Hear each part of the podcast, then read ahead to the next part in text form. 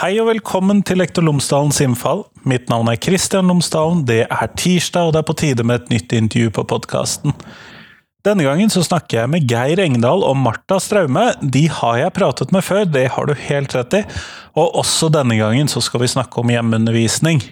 Vi skal snakke om hvordan hjemmeundervisning eh, Hva er ståa for hjemmeundervisningen i det nye forslaget til ny opplæringslov, som kom nå etter høringsrunden til NOU 2019-23, som tidligere har blitt dekket på podkasten fra både Martha og Geir. Så denne gangen fikk jeg med begge to sammen, og det er jo interessant. Så hva tenker hjemmeunderviserne, hvordan er ståa for hjemmeunderviserne nå med tanke på dette lovforslaget? Hvor er problemstillingene, hvor er godene? Ellers, podkasten er som alltid sponset av Cappelen Dam Utdanning, Cappelen Dam Utdanning, og hvis du går inn på skolen.cdu.no, så kan du høre alle de Se alle de oppleggene som Cappelen Dam Utdanning har laget i forbindelse med fagfornyelsen i grunnskolen. Alle fag, alle tema, alle årstrinn, alt sammen. Eh, opplegg, eh, stoff som du kan bruke, oppgaver osv. Alt sammen ligger der. Det er altså på skolen.cdu.no eh, fra Cappelen Dam Utdanning. Men nå kommer intervjuet med Marta og Geir, vær så god!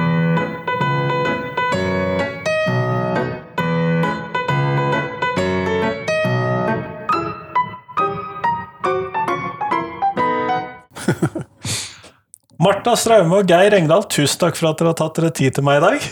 Bare hyggelig. Det var kjekt. Eh, dere to har jo begge to vært med på podkasten før. Eh, men jeg tror jeg vil at dere skal fortelle lytterne mine tre ting om dere selv, sånn at eh, de som ikke har hørt dere, kan få bli litt bedre kjent med dere. Og hvis vi begynner med deg da, Geir. Du har jo vært med færrest ganger. ja. ja. Nei, eh, Geir Engdahl heter jeg, bosatt i Fredrikstad. Eh, er utdanna lærer og naturforvalter. Jobba i grunnskolen og mange år i videregående skole. Og for tiden så har jeg et styreverv i Norsk hjemmeundervisningsforbund, og hjemmeunderviser eh, datter på snart ti år. Kjempeflott, tusen takk. Marta, tre ting om deg. ja, det er Marta Straume.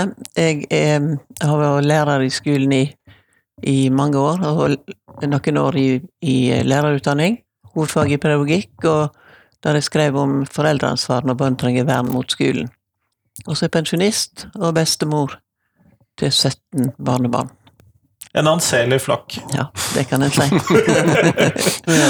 Eh, dere to har jo begge to vært med på podkasten før om uh, hjemmeundervisning, og om uh, dette med det nye forslaget til ny opplæringslov som kom i NOU 2019-23, som hvor dere uttrykte det jeg kan omtale som en viss skuffelse, eller forargelse, kan vi vel kanskje si. Um, Sjokk. Sjokk, ja. Sjokk er også selvfølgelig et ord. Men nå har det jo kommet et eh, Nå har de behandlet alle høringssvarene som eh, kom på den NOU-en, og så har de lagt fram en eh, et endelig utkast, kan man kanskje kalle det, ut på høring, som så skal behandles og legges fram som forslag til nytt lov. Det er i hvert fall det de har sett for seg. Og da lurer jeg jo på, hva er deres tanker om hjemmeundervisning i det nye forslaget til ny opplæringslov? Ja, det er min umiddelbare tanke. Jeg må jo si ære til deg da, Christian, for det var jo du som sendte meg ganske tidlig eh, det høringsnotatet. Og det første jeg gjorde, det var jo å slå opp på eh, både i den lovdelen og Eh, departementets uttalelser om forslaget fra utvalget. Og da så jeg jo med en gang at de gikk jo vekk fra forhåndsgodkjenning. For de ønska jo egentlig å innføre forhåndsgodkjenning av hjemmeundervisning. Noe vi tolka som uh, rett og slett var et angrep. Uh, altså det, vil, det, var en litt sånn skjult måte å innføre skoleplikt i Norge. Og når vi nå så da i det nye notatet at de går vekk fra det, uh, at de vil ha det sånn som det er i dag, så ble jeg bare først kjempeletta. Og det var nesten så Det var, det var et tonn som letta fra skuldrene. For det, vi har gått og venta på det her altså, og lurt på hvilken vei det ville slå. Martha, hva ja, ville det bety at det ville bli forhåndsgodkjenning? Nei, det ville jo hindre mange i å ta barna sine ut av skolen ved ja, akutte ting, altså mobbing. Eh, det er jo en stor del av, av heimeundervisere som er blitt skada på skolen ved mobbing, og når du oppdager det, det skjer gjennom plutselig, så har du ikke den muligheten til å redde de unna. En sånn søknad kan ta lang tid, selv om de skriver, i den NOU-en at det, det, kan gå fort, så er ikke det erfaringen at det går fort. Det kan jo bli trenert og Så det er jo den ene delen. Dessuten er det jo sånn at hvis det er, skal godkjennes av noen, så er det en inngripen i den fridommen som en har. Det er jo faktisk sånn i Norge at, ikke, at du har tre muligheter til å sitte for utdanning, og det er jo foreldre som skal gjøre til grunnutdanning, da. Og, og det er jo heimeundervisning, det er offentlig skole, og det er friskoler. Og de er akkurat likeverdige, og det er et valg som ikke skal begrunnes. Og det vil bli tatt ifra eh, foreldre, da. Så det er en, en ganske stor inngripen i foreldreretten, foreldreansvaret. Deler du Geirs reaksjoner på ja, det? Ja, ja. ja. det var det første jeg så etter, og jeg var Mm. så glad for at det var jo opplæringsplikten som var berga. Ja. og Også i tillegg, da, bare sånn nevne det at vi, vi ser jo i dag eh, med, med det regelverket vi har nå, altså den gjeldende loven, at selv om man har rett til å ta ut eh, barnet, så er det jo dessverre en del kommuner som fortsatt ser på det som uh, ulovlig virksomhet, som ikke kan regelverket godt nok, og det er ikke så rart, for det er ikke så mange som driver med privat hjemmeundervisning. Uh, og utfordringen da, hvis uh, NOU-en hadde fått gjennomslag, da, at det ble innsøkt, innført søknadsplikt, så ville det jo være en kommune eller en skole som du er i konflikt med, som skulle behandle søknaden. Og det er ikke så vanskelig å skjønne at det blir problematisk. Så, for det er jo vanskelig nok i dag, med de reglene vi har, Ja, å få til en smertefri overgang fra, fra offentlig skole og, og begynne med hjemmeundervisning. Det er mange foreldre som syns det er skummelt. Ja, det er motstrøms, så du får ikke, du får ikke noe hjelp til det. Og dessuten skal vi jo ikke glemme at eh, eh, kunnskapsminister Guri Melby skrev jo en kronikk for ett og et halvt år siden der hun skrev at det var skoleplikt i Norge. Sånn, så det er jo det er ikke så rart at mange lokalt tenker at det er skoleplikt. Mm. Men eh, er det noen da andre aspekter Er det noen andre ting som dere har opplevd at dere har fått gehør for, eller hvordan har reaksjonene vært i departementet på motstanden som dere fremmet mot det opprinnelige forslaget? Ja, de har jo faktisk skrevet noen linjer om, eh, om reaksjonen i hjemmeundervisningsmiljøet. For eh, de skrev vel det at det var 72 høringssvar som bemerka dette med søknadsplikt for hjemmeundervisning. Og 65 av de 72 mente at eh, det ville være feil å innføre eh, søknadsplikt. Eh, og det er jo hyggelig at man blir lagt merke til. Det, det viser seg at det virker. Og de skrev også at det, var jo lag og foreninger og interesseorganisasjoner, men også mange private som leverte inn høringssvar. Og det viser bare hvor viktig det er. Eh, og jeg har også sett at der, For det var noe som bekymra Det var vel du, Martha, som uh, fortalte meg det først. Og jeg prøvde jo å levere, faktisk. Jeg prøvde også å legge, få inn et uh, debattinnlegg i en bergensavis. For det, det var snakk om fritak uh, fra opplæringsretten. Eh, hvis eh, NOU-en hadde gått gjennom eh, sånn som det var foreslått, så hadde det jo vært kommunen som satt med opplæringsansvaret. Og foreldrene måtte søke om å få lov til å delta i barnas opplæring. Og da vil det også Det foreslo jo også i den NOU-en at eh, hvis et barn eller en elev da skal fritas fra hele eller deler av opplæringsretten, så ville de gå vekk fra sakkyndig vurdering fra PPT. Og ettersom kommunen da satt med opplæringsansvaret, så ville de kunne frita seg selv uten samtykke fra foreldrene. Og det har de heldigvis gått vekk Ja. ifra i dette lovforslaget. Men hvorfor vil det være problematisk, Martha? Nei, det er jo det samme som å ta ifra foreldre ansvaret for opplæring til barna sine, og det vil jo ha, også ha innflytelse på andre lover, for eksempel barneloven må endres. Mm. Det, Ja, for det ville vært i strid med andre lover. Ja, det er i strid med andre lover. Så det, og det er jo noe av det som jeg kanskje ser henger igjen. Det er en litt manglende sammenheng.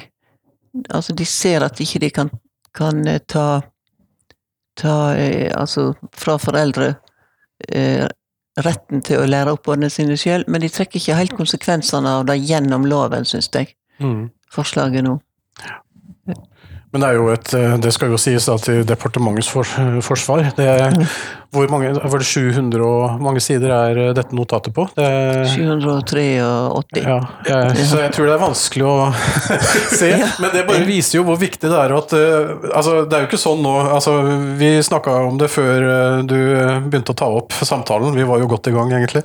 Men det er jo ikke sånn nå at hjemmeundervisere eller foreldre som har barn som kanskje ja, går under den der litt sånn ja, skolevegring eller ufrivillig skolefravær eh, Paraplyen. mm. at de nå kan senke skuldrene og tenke nå er jobben gjort, og nå, nå blir det bra. For det er jo ikke, det er jo ikke hogd i stein, det her. Dette er jo et forslag, og vi må jo fortsatt stå på og, og, og skrive høringssvar. Ja. Både som privatpersoner og som deler av organisasjoner osv. Så, videre. så eh, det er jo vel egentlig nå det begynner. Ja, det er viktig. Ja. viktig. Ja. Men, og her er jo en ting, Forrige gang så snakket vi om dette med innlosjeringsplikt og sånn, Marta. Uh, har det blitt noen endringer der? Nei, det er jo det, da. Det er noe av det jeg mener med at de har ikke sett konsekvensene av at det er opplæringsplikt. For de har fortsatt, og, det er skremmende. Det har aldri skjedd før at barn og foreldre er pliktige til å innlosjere barna sine på skolestaden hvis, ikke, hvis fylket finner at ikke det er tilrådelig med skyss. Så veldig mye skjønn ligger inne der. Og så har de jo da sagt at eh, foreldre kan skysse de sjøl, men da må de ta kostnaden med det. Så Ja, Ja, for det er noe annet enn i dag. ja, det har aldri skjedd før. De ser at de viderefører eh, den loven Eller ja, den loven som gjelder nå, men da har plikten ligget på kommunen til å syte for innlosjering. Det har aldri ligget en plikt til å ta imot den. Og særlig nå etter korona så skulle en tenke at de hadde mer fantasifulle løsninger på det problemet, mm. enn at de skal ha en seksåring til å bo hos fremmede folk. Og, og de har heller ikke Altså, de, kan jo ikke skjønne geografien i Norge. For, for, Der hvor Geir bor, så er vel dette relativt ja, greit å kanskje. håndtere. Ja, men der er ikke skyss noe stort problem heller. Sant? Det er jo i Sogn og det er i Nord- i Nord-Norge. Og, det, er, det er ikke et um, det, er ikke, det er ikke omfangsrikt i tid heller. Sant? Det er um, så dette er veldig merkelig, og det er altså ikke trukket konsekvenser av det de mener da, at det skal være opplæringsplikt, for da kan de jo eh, tilby nettundervisning.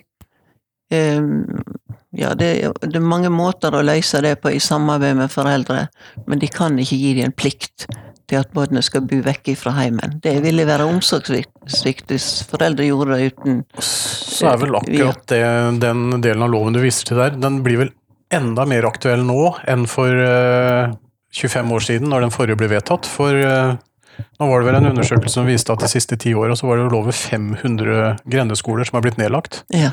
Så det er jo en eh, betydelig sentralisering. Og da vil jo det vil jo være noen foreldre, noen hjem da, rundt omkring i det langstrakte landet som vil bli berørt av et sånt forslag.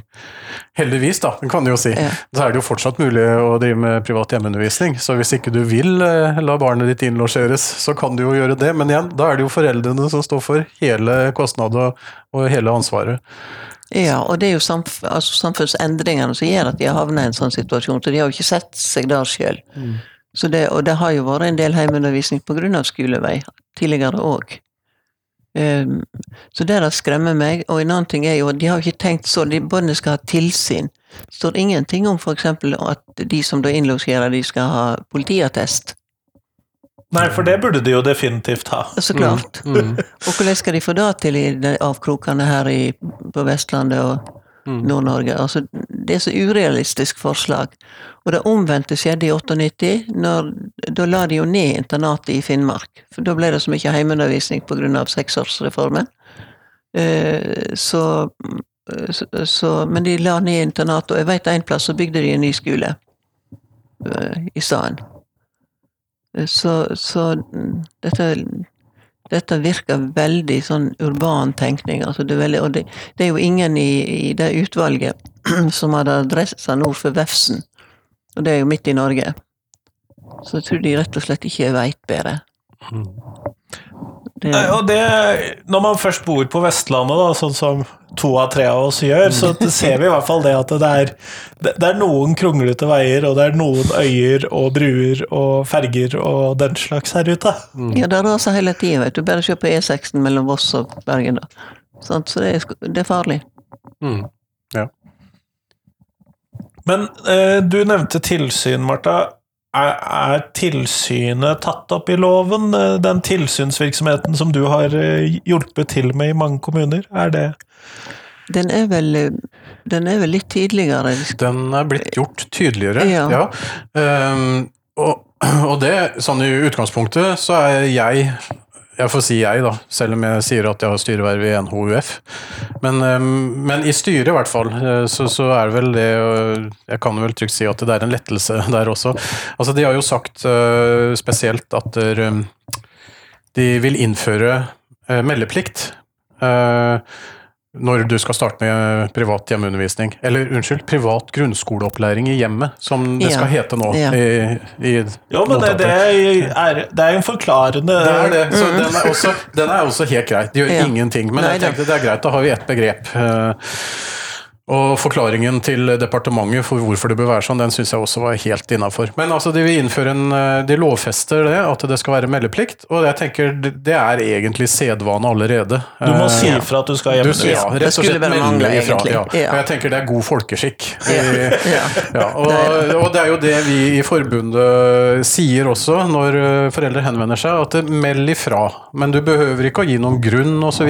Men eh, det er ingenting som hindrer deg å gjøre det, men meld ifra, sånn som dere kan få i gang et samarbeid.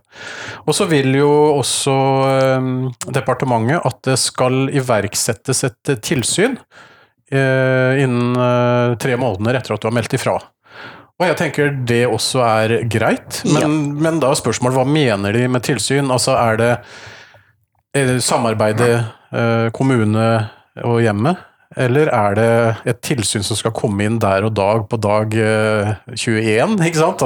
For det er ikke vurdert. Nei, det er ikke vurdert. Og de snakker jo om eh, at bør dette skrives i en forskrift, eller bør det være skjønnsmessig, altså forvaltningens skjønn som skal spille inn her osv. De diskuterer jo litt det, men, men de vil i hvert fall, tenker jeg, komme i gang med et tilsyn innen eh, tre måneder. Men igjen, da, da, da bør det kanskje presiseres hva de mener med tilsyn. Men det er klart, det bør vel strengt tatt kanskje ikke stå i loven, det bør vel stå i en forskrift, tenker jeg, eller retningslinjer. Men, eh, men så de har jo tydeliggjort det litt mer, eh, det med meldeplikt. Og at de, kommunen har en tidsfrist, de må sette i gang Ja, et samarbeid det, med hjemmet. ja, det syns jeg er bra, for noen opplever jo at det går vinter og vår og år Ja. før de får det tilsyn, og det er ikke greit, syns jeg. Nei, og, så det vi ikke må glemme her, altså eh, Vi snakker om foreldreansvaret, eller kanskje foreldrerettigheter, men det er, handler jo om barnas eh, rett til opplæring. Ja.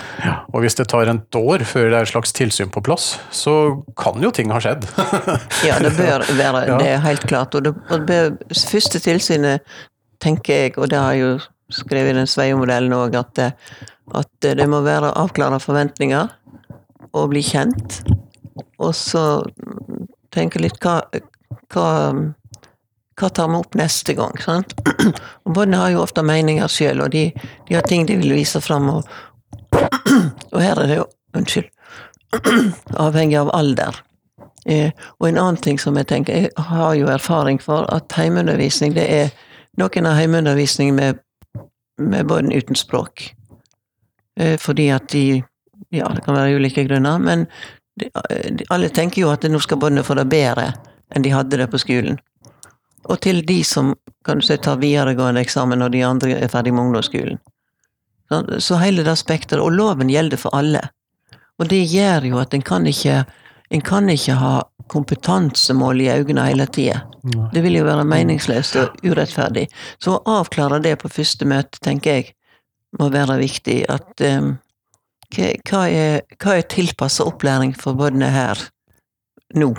Mm.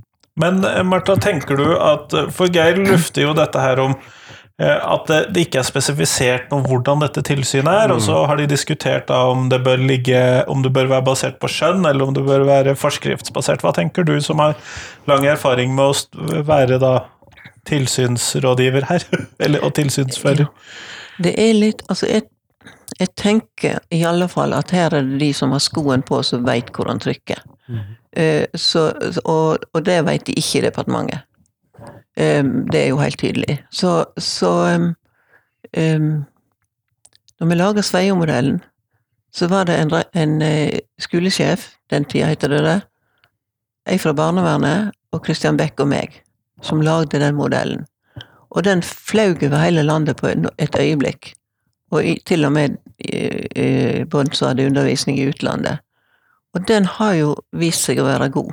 Samtidig så holdt departementet på med sine egne prosjekt, så de, så de prøvde å innføre, og det falt som en stein. Eh, Men Sveio-modellen, den fungerte, og det, rundt den har det blitt en praksis. Som, og det er jo òg en, en juridisk eh, kan du si gyldig Mm. ting. Så, Men den kunne jo kanskje da puttes inn som en del av den forskriften på hvordan dette kunne se Mm. ut, da. Ja, det kan han absolutt. Og, og så vise til praksis. Men hvordan en skulle eventuelt lage en forskrift eh, Det er det som er trøblete her, da, og, og det, det skal sies, det er jo departementet klar over, for de skriver jo en del om det, altså forvaltningsmessig skjønn og lovmessig skjønn. Og problem, problemet med å få alt nedfelt i lov eller forskrift, kontra det å ha litt vide rammer. Det er jo fordeler og ulemper med alt. Uh, nå er det jo en sånn jeg vet ikke, det er kanskje ikke riktig å bruke det ordet, men det er jo en trend i, innen uh, norsk forvaltning at det, det skal ikke være så mye ovenfra og nedstyring, og det er opp til sant, bestemmelsene skal tas nærme brukeren, og kommunene må ha et visst spillerom. Og det er, det er jo bra. Så den skjønnsmessige delen, det er viktig med tanke på å kanskje få et tilsyn som er tilpassa det enkelte barnet. Samtidig så kan jo for mye forvaltningsmessig skjønn også slå helt feil ut andre veien. At det er noen som tar seg litt store rettigheter altså fra forvaltningens side, og gjør det mer vrient og vanskelig enn det det burde være. Testregimer, kanskje. Ikke sant, Ja, og vi, det- det er ingen ja. hemmelighet at det, det er mye av det. Eh, Det er mye god forvaltning også, og så er det mye som, som jeg da vil betrakte som dårlig forvaltningsmessig eh, skikk. Ja, hvis... Så det, det, det blir en problem. Og hvis vi, det andre problemet er jo hvis vi lovfester dette, så kan det fort bli veldig firkanta, litt sånn one size fits Ja, ja. all-tilsyn. Og det hadde ikke passa for bl.a. blant annet min eh, datter. Og helt sikkert ikke alle andre heller. nei, de der passer, for de går allerede i skolen, Ja, tenker jeg. sant. Ja. Ja. Og det som ble sagt i retten i Mosvik-saken, det var jo det at alt tilgjengelig materiale kan du bruke for å se om de får undervisning. Og, og det tenker jeg at det er Jeg ser jo disse barna når de kommer og er stolte av noe de har laga eller gjort, eller vil vise det fram. Det, det er den veien en må gå. Sånn, De skal glede seg til at tilsynet kommer, ikke være redd for at det kommer noen og kontrollerer meg. Sant? Det er to forskjellige regimer. Ja. Og det kan en avtale. Og, og eh, jeg skjønner ikke helt hva kommunen er så veldig redd for, for de vil jo ikke i noe fall kunne teste ut mange tusen kompetansemål. Sant? Nei, det klarer de jo Nei. egentlig ikke i skolen heller. Nei. Så, Nei. så, så det er Så da tenker jeg Og så er det en annen ting. Og det, og det er kommet inn nå, dette med at de, de vil eh, At en skal følge eh, Ja. kompetanseløftet. Mm. Eh, Det kan de ikke. Det er det ingen eh, Altså det kan de ikke pålegge foreldre, fordi at de må kunne drive heimeundervisning etter alle de ulike kriterier som du kan få godkjent friskoler på. Og det er en lang liste som du finner i friskoleloven. Det skal, ja, for det, det du sier der, det er jo rett og slett det at de har skrevet i, i loven at de skal følge kompetansemåla i fagfornyelsen. Det kan de ikke si. og, eh, og igjen, eh, som sagt, samtidig så godkjenner de friskoler og sånne profilskoler, er det ikke det? Ja, Det er Og de har jo sine læreplaner, så hvorfor kan ikke foreldrene få lov til å bruke det hvis det passer dem bedre? Ja, og så er det en annen ting. Hvis du, hvis du eh, forskriftsfester både tidsrom du skal bruke på dette, og innhold, så kommer du skjevt ut i starten. For noen vil jo aldri komme gjennom det, og samme hvor lang tid de fikk. Og andre de vil være ferdig med det allerede før de begynner. Sånn at det vil slå feil ut på både de som strever, og de som uh, har lett for å lære ting. sant? Og Så, så da, eh, og kan, hvis du er ferdig når de årstrinnsfester kunnskapen, eller mm, lærestoff, eller hva en skal si, så vil jo noen allerede være ferdig med det når året begynner. Sant? Og de har, de har jo kjempeproblemer i skolen mange ganger i dag. Så de som da tar fag på videregående. Så jeg skjønner ikke altså, Og dette kan du avklare i starten, sånt ved tilsyn. Det vil være så individuelt fra den ene, ene til den andre eh, at eh, ja, at det er der det må være. Det altså Heimeundervisning er en helt egen pedagogikk, tenker jeg. Ja, og det, det er jo Altså, det representerer jo et mangfold. Mm. Det er jo mange måter å løse ting på. Og, og jeg, da, og det, det har jeg jo sagt i tidligere intervju eh, ja, forrige gang vi prata, at eh, jeg er jo litt sånn skoleskadd sjøl. Fordi jeg har, har lang utdanning og har jobba i skolevesenet og har med meg det liksom Læreplaner kan ja. Ikke sant? Jeg, men greia er at jeg var jo sikkert flink da til å tilrettelegge for 30 stykk. Det er jo noe helt annet når du sitter med én eller to, og det er dine egne barn. Og jeg fant det jo ut, øh, for hjemme hos oss så var det liksom, ettersom jeg, har den der, jeg var skolemannen, da, så var det jeg som liksom skulle ta hovedansvaret for opplæringa. Eh, Men jeg skjønte jo i løpet av bare et par uker at den planlegginga og de planene og det som jeg liksom ikke sant, Årsplaner, halvårsplaner, framdriftsplaner, det falt jo i fisk med en gang. For at du har en mye større mulighet eh, til å møte barnet der det er, og tilpasse det. Og det som var Ikke sant. Nå var det jo valg. Plutselig så kom det et valgresultat eh, som ikke kanskje var helt uventa, men så ble det mye snakk om det.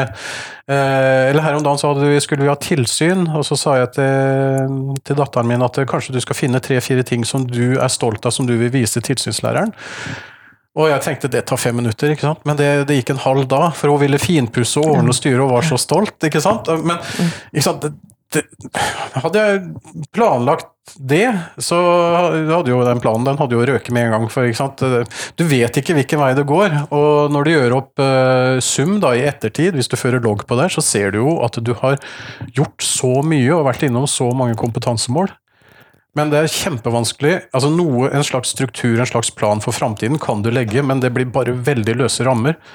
For hvis du planlegger å gå fra A til B, så kan det hende du havner innom C og F og Å før du liksom så, så det er en helt annen måte å drive opplæring på. Men samtidig så er jo læreplanen er jo bare ment å være dette er det vi skal ha gått gjennom i løpet av x antall år, Ja. sånn at eh, om man passerer det litt sånn opp og ned Ja. i bakke og mot Ja, ja. motstrøm, så, Ja. Ja. så, så er jo ikke det det viktigste, selv ikke i den offentlige skolen. Nei, Nei. Men, men du har med deg den ikke sant? For du, du, du har jo som lærer da, i den offentlige skolen, og privat for så vidt, så føler du jo på ansvaret at du skal ha vært gjennom. eh, Og du er også ofte dessverre bundet til lærebøker, og, så er det andre kollegaer som har sine framdriftsplaner, og man bør jo samordne dette. Så det blir jo et helt annet Ja, ja. race enn når du driver hjemmeundervisning. Og jeg sier det til medlemmer som kontakter oss, da, og som vil snakke om eh, liksom, ja, men syns du ikke det er veldig sånn eh, at du føler deg bundet fordi at du må forholde deg til fagfornyelsen?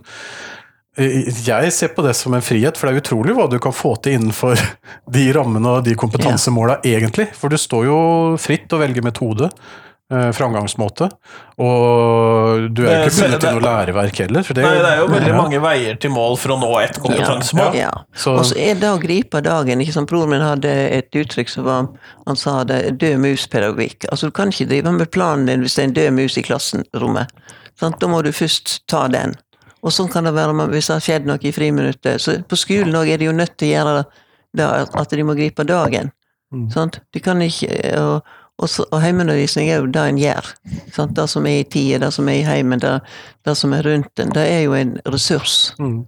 eh, for å Ja. For opplæringen. Og så da det å tørre også gi eh, holdt jeg på å si, Man står jo ansvarlig, man har jo foreldreansvaret, men å kanskje tørre også eh, For som lærer så har man jo litt sånn kontrollbehov, eller i hvert fall hadde jeg det. Jeg kan ikke uttale meg for alle de andre 70 000, men, men eh, man, eh, det er jo utrolig hva disse små kloke hodene kan og vet og kan ta til seg på egen hånd. Ja. Ja, Så hvis man slipper opp litt av kontrollen og styringa, og overlater faktisk litt av ansvaret til, til barna òg, ja. det er utrolig hva de ja, det er jo det en ser, ikke sant. De blomstrer. Det er ikke denne krukkepedagogikken at du må putte på og putte på i i tide og utide. sånn at En kan følge dem i, i eh, utviklingen og i ja, interesser og, Og du, en kommer mye lenger. Mm.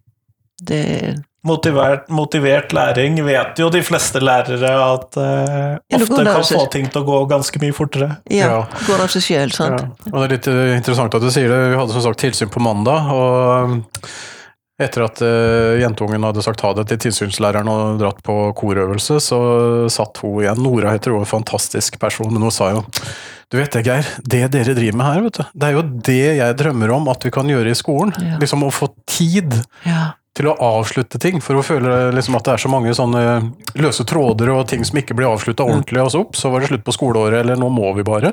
Mens vi har jo muligheten til å gjøre oss ferdig eh, med ting. Og, og at det er eh, interessedrevet, da. Det er, men altså når det er sagt, så er det ikke sånn alltid. Det er jo noen ting vi må gjøre, men ofte så blir det der må-tinga, det blir også Sier du at det er alle temaer er ikke det som er interessant for alle er, elever? det er rart det der, altså. Og det jeg er interessert i, det er ikke sikkert hun er interessert i, og det syns jeg er litt Det er jo dumt, da. ja, ja. ja. Jo da, men eh, Nei, alt er jo ikke rosenrødt, selvfølgelig, men, eh, men det er overraskende mye som går veldig bra. Også når det tar veier du ikke har planlagt. Så det er i- ganske interessant. I forhold til det, hvis du har strev på skolen, hvis du har gjort alt du kunne, gått på alle møter, vært lydig og fulgt oppskriftene, og, det, og du ser at barnet ditt bare får det verre Så det å ha heimeundervisning, det er jo, det er jo ingenting. Nei. Det er, og det er faktisk sånn at for noen iallfall så går det på livet løst. Barna er så langt nede at de, de sant? Når de holder seg i dørkarmen for å slippe å gå på skolen, sant? Og du, og du får høre ved, ved skoleveg, den såkalte skolevegring, som egentlig mange ganger er mobbeoffer, at det, det viktigste er at de kommer på skolen. Sant? Og så kommer de på skolen, og så sitter de alene på et rom med en voksen en time, og så har de, så har de sånn trening til å komme tilbake til skolen. Dette er ikke langt ifra sannheten. Eh, Så, sånn at det, den innstillingen at det viktigste er at de kommer på skolen, det er jo Barna blir jo ikke hørt. De, de, så da i forhold til det, og så så hjemmeundervisning, det er en ren befrielse. Mm. Og sånn er det mange som opplever det, og, og det er det som ville forsvinne hvis du denne, eller hvis du innførte den søknadsplikten. Den muligheten til å være med og redde barnet ut av dette her. Men jeg tolker dere jo dit hen at der hvor reaksjonene etter forrige utkast var sjokk, så er reaksjonene etter dette utkastet eh, til dels lettelse.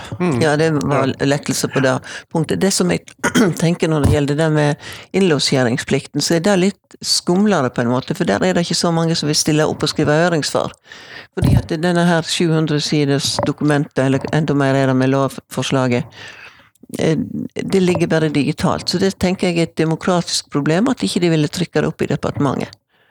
Sant, For det er ikke alle som kan le lese 700 og noen sider på, På en datamaskin. på en datamaskin. Og, og, og sånn at um, Det er én ting, og en annen ting er jo det at det vil ikke folk bry seg med. Sant? Hvem tenker at det er så farlig om noen i Nord-Norge eller i Sogn eller Hardanger eller hvor det er eh, At det, det skulle bety noe om en seksåring bodde på Vekke. Altså, det er ikke et sånn Jeg har prøvd å få Jeg har faktisk eh, varsla Slagsvold Vedum om det. var klar over dette, og så skrev han nei, det må jeg se på. Så jeg håper at noen ser på det og får stoppa det. der, altså, for det er eh, Det vil være, det vil være eh, helt feil i forhold til det de ellers har sagt i loven. Så, Nettopp. Um, jeg tenker jo på det som vi var litt innpå i stad, og som blir kjempeviktig. Det, da jeg snakka om det med forvaltningsmessig skjønn og lovmessig skjønn. For departementet skriver det at der, kanskje den beste løsningen vil å um, lage en veiledning. Skrive veiledninger, eller så tilby kurs, da. Og det er jo musikk i mine ører, for uh, vi prøver jo i forbundet, og du, Martha, ikke sant. Man får jo ja, altså denne uka så har jeg vært i to møter med kommuner, altså som bisitter eller ledsager da, med foreldre som har tatt ut barna i hjemmeundervisning. Og øh, vi møter jo forvaltningen stadig vekk, og det er jo ingen hemmelighet øh, at vi da som driver med det her, er vel dem i landet som er best opplyst på liksom, lovverk og rettigheter, plikter osv. Og, men vi sitter jo hele tiden altså Nå har det jo blitt færre kommuner da, de siste åtte åra. Men det er fortsatt Er det 200 og ja, Hvor mange er det? Det er, det er ganske 359 eller der omkring kommuner, Mm. og så har jeg vel Christian Beck sa vel at det ble rundt 200 hjemmeundervisningsbarn, så det er jo ikke ett barn Nei, per kommune engang. det er nok mye mer nå. Ja. Ja. Og, og vi ser jo det at når vi er med der, og vi får til en god samtale, liksom, foreldrene senker skuldrene, forvaltningen er lydhøre og tenker 'å, så bra, her er det jo noen som allerede har tenkt tankene', og så blir det en god stemning. Men ikke sant, da er det i samtale med den kommunen, eller den representanten fra den kommunen, og da blir det igjen veldig personavhengig, for hvis den personen slutter, så er det nesten tilbake til scratch, og så må vi komme med den samme opplysningen på nytt. Og i styret nå så er vi eh, fire personer, og det er klart, man rekker jo ikke over alle på den måten, så det hadde vært veldig ålreit å bli invitert. Kanskje være med på noe kursing, utvikle veiledningsmateriell osv.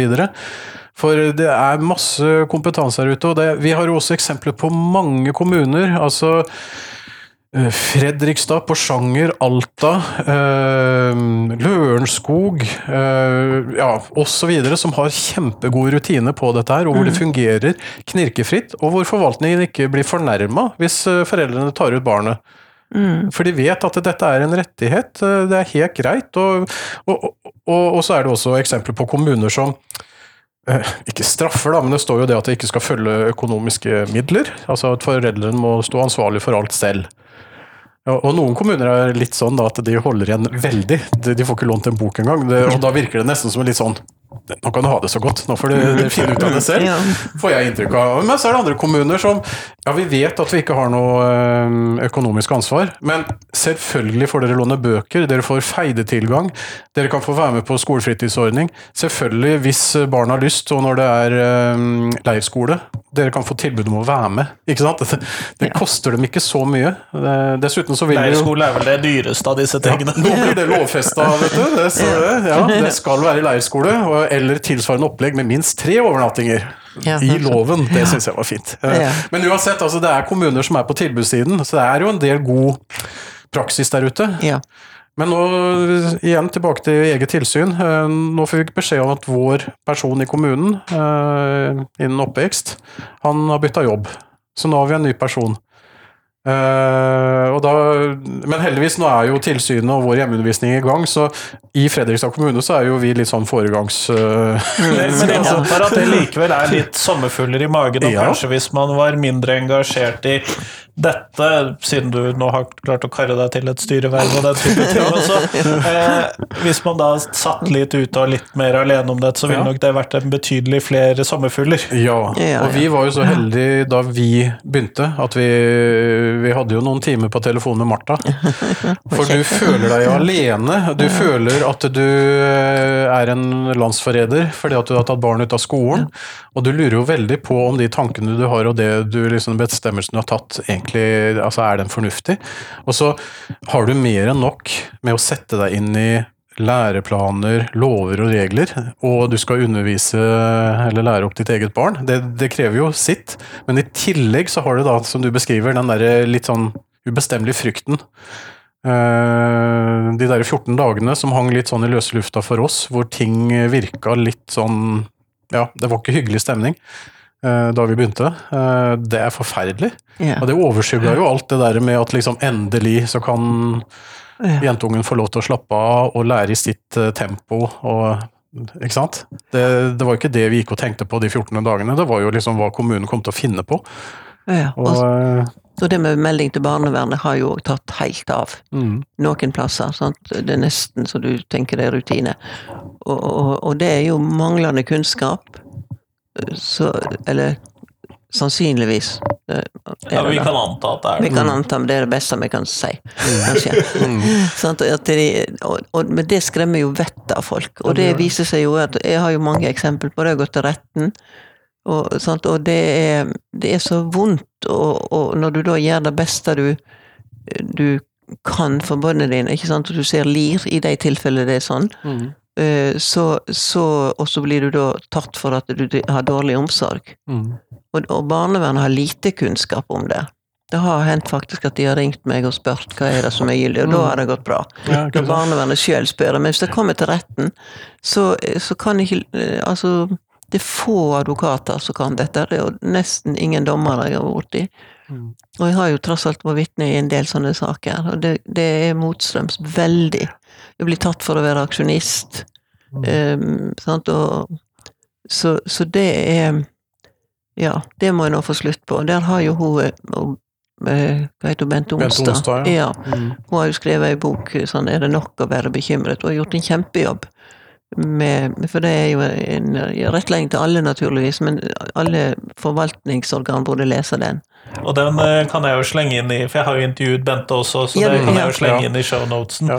Men du nevner jo noe veldig viktig der, Martha, fordi at eh, du har jo fungert som en rådgiver på dette, og som en ressursperson på dette, sånn som Geir beskriver, i veldig mange år. Og hvis de ikke lager noen sånn type guide, eller ikke forskriftsfester dette på en god måte, hvordan kan du, eller hva ser du for deg om veien fremover da, på dette her med tilsyn, og, og gjøre dette riktig for elevene og foreldrene der ute i kommunene? Ja, det er jo En må En må gi dem et nytt syn på hvem som har ansvaret for opplæringen. Sånn at da, og tidligere, altså i min tidligste mm, yrkestid, eller hva skal jeg si, eh, så var jo dette her en, en tanke vi hadde med oss. ikke sant? At skolen handler på et delegert mandat. Og så har det glidd over i at de tror om seg sjøl at de Det var en som sa, eh, ei heimeunderviser som sa de oppfører seg som om vi har tatt båndene ifra de. Og, og det er jo altså den, å snu det at faktisk de det er de som handler på et delegert mandat. At, de, at det var litt mer ydmykhet rundt i kommunene, det er jo en, noe en må Kanskje hvis en sånn kunne få til sånne kurs. Mm. Og, og Kristian og jeg hadde jo et tilbud til alle fylker eh, for 25 år siden, nesten, da vi tilbød sånne kurs. Vi hadde aldri noe. Jeg har hørt det en gang seinere, og det var Frogn i, Jeg vet ikke om det er Nå er det jo Viken og alt. Min gamle kommune. Ja, ja, det er der det er. Ja, du, det må jeg nevne. Drøbak har godt rykte når det gjelder hjemmeundervisning. Ja, Ja. det tror jeg. da. Ja. De har det. En annen ting som bare må nevne hvis jeg husker det, det er jo dette her med når- kommunen skal ha en tilbakemelding. Da var jo han skolesjefen, han Knut Martens, da, som var faktisk arkitekten bak Sveio-modellen. Det er derfor det heter Sveio-modellen. Eh, Han var skolesjef i Sveio. Eh, Han ville ikke ha rapport, og det er også sånne begrep som en Det er ikke en rapport, en skriver en tilbakemelding. Mm. Og, og den skal en skrive sammen. Og det fikk til her i Bergen nå. Ja, Fredrikstad. Ja, det Ja, er ja. sant. At det er foreldre og den som har tilsynet, skriver den sammen. Så slipper foreldre gå og vente på hva, hva de kan finne på. Sånn at de må være enige om det. Og det er jo også god forvaltningspraksis. At de som har vært på et møte, skriver det sammen, som har skjedd på møtet. Ikke? Det har vi nok erfaringer med at det går over stokk og stein. Men når du spør om hva slags praksis en skal få til, så tenker jeg at hvis en gikk igjennom den, den der eh, oppgraderte Sveio-modellen, som nok nå må oppgraderes igjen, sant? Punkt for punkt, og så så hva inneholder den. For det, når vi hadde laga den, så var det to advokater som gikk gjennom den og sa dette her holder. Eh, og, og nå vil jeg jo tenke at den er enda mer safe, for at den, nå har den jo eh, tilvisninger til de lovene som gjelder. Eh, så så også at en, at en sammen fikk en forståelse av den, eh, som da kunne være gyldig i alle tilfeller, for de som da ikke har språk, og for de som kan ta fag på videregående. Og, innenfor det der rommet må det være et spillerom. Og det er det som må skje på det første møtet. Det må avklares hva er tilpassa opplæring her. Og så er, er kompetansemål, de retningsgivende. Problemet med planen er jo at de har laget en forskrift, og hvordan de kan lage 300 sider med forskrift, det er jo en, en gåte for meg. Før var den en rammeplan, sant, som ga retningen. Mm.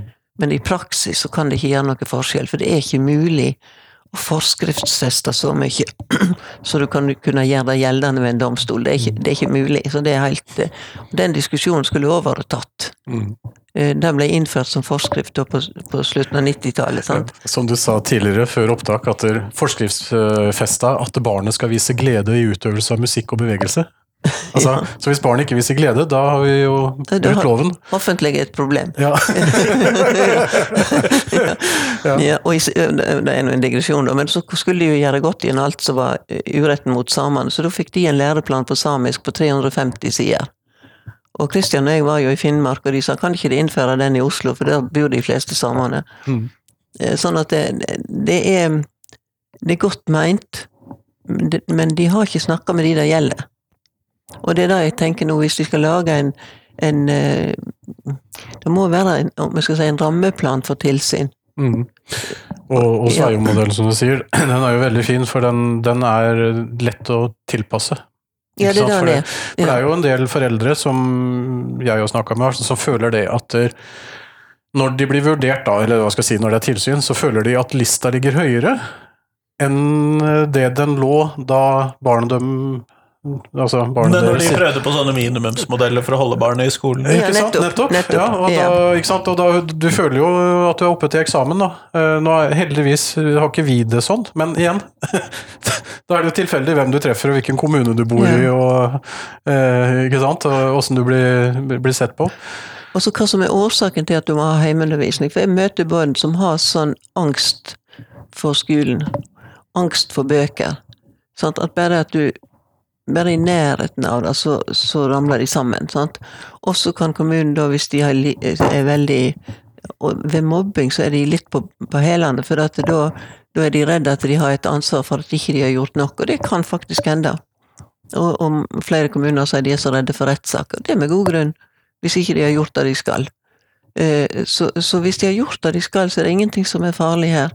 Eh, Men disse barna de må skjermes fra de som, har, som ikke har tatt vare på dem.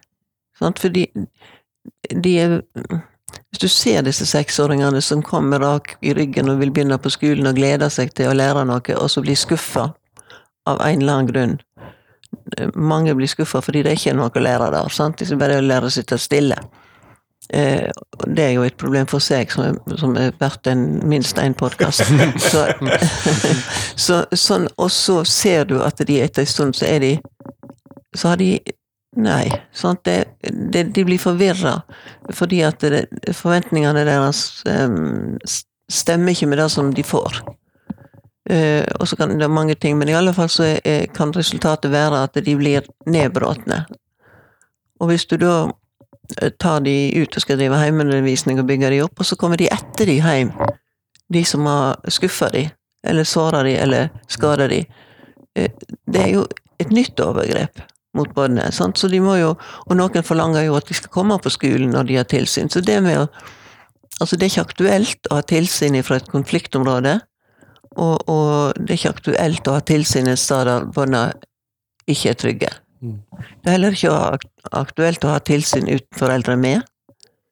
Ehm, så, så disse rammene kan en jo da lage i en sånn mal. Ja.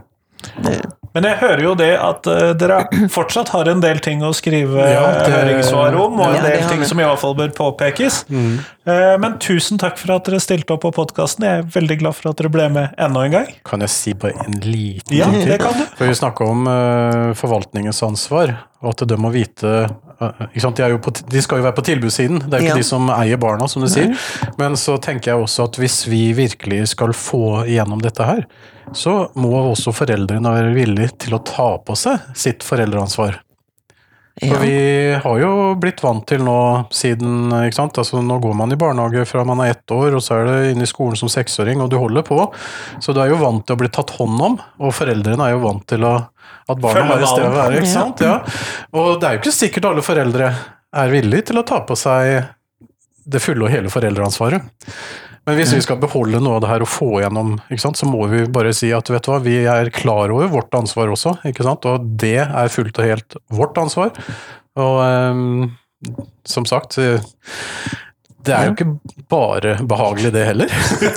Nei, det kan jeg Det oppdaget vel en del når barna måtte være hjemme nå det siste året Ikke sant? å Ja. ha. Og jeg har en ting til også, som jeg tenker må påpeke når det gjelder Og det var dette de har sagt at det er at det er foreldre som skal undervise. Det er helt opplagt foreldre skal ha ansvaret. Men hvem som underviser, det kan ikke kommunen styre.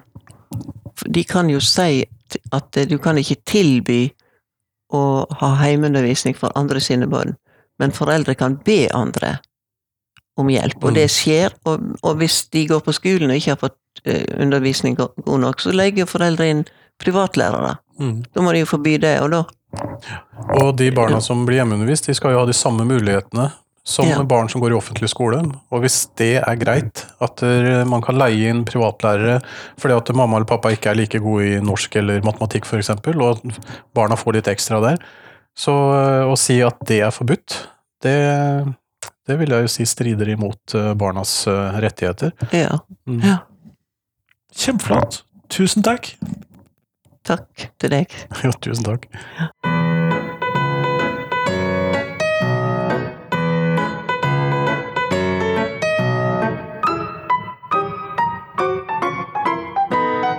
Tusen takk til Martha, og tusen takk til Geir, og selvfølgelig tusen takk til deg som hørte på. Nå er det én uke igjen til neste podkastintervju.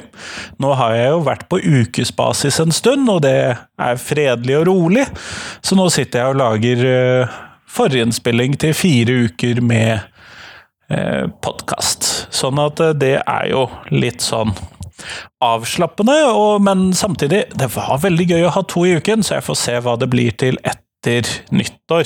Men foreløpig så skal det primært sett være én episode i uken.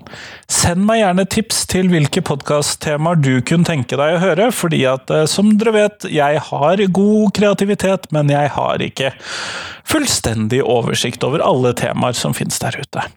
Men nå, ha en fin uke. Hei, hei.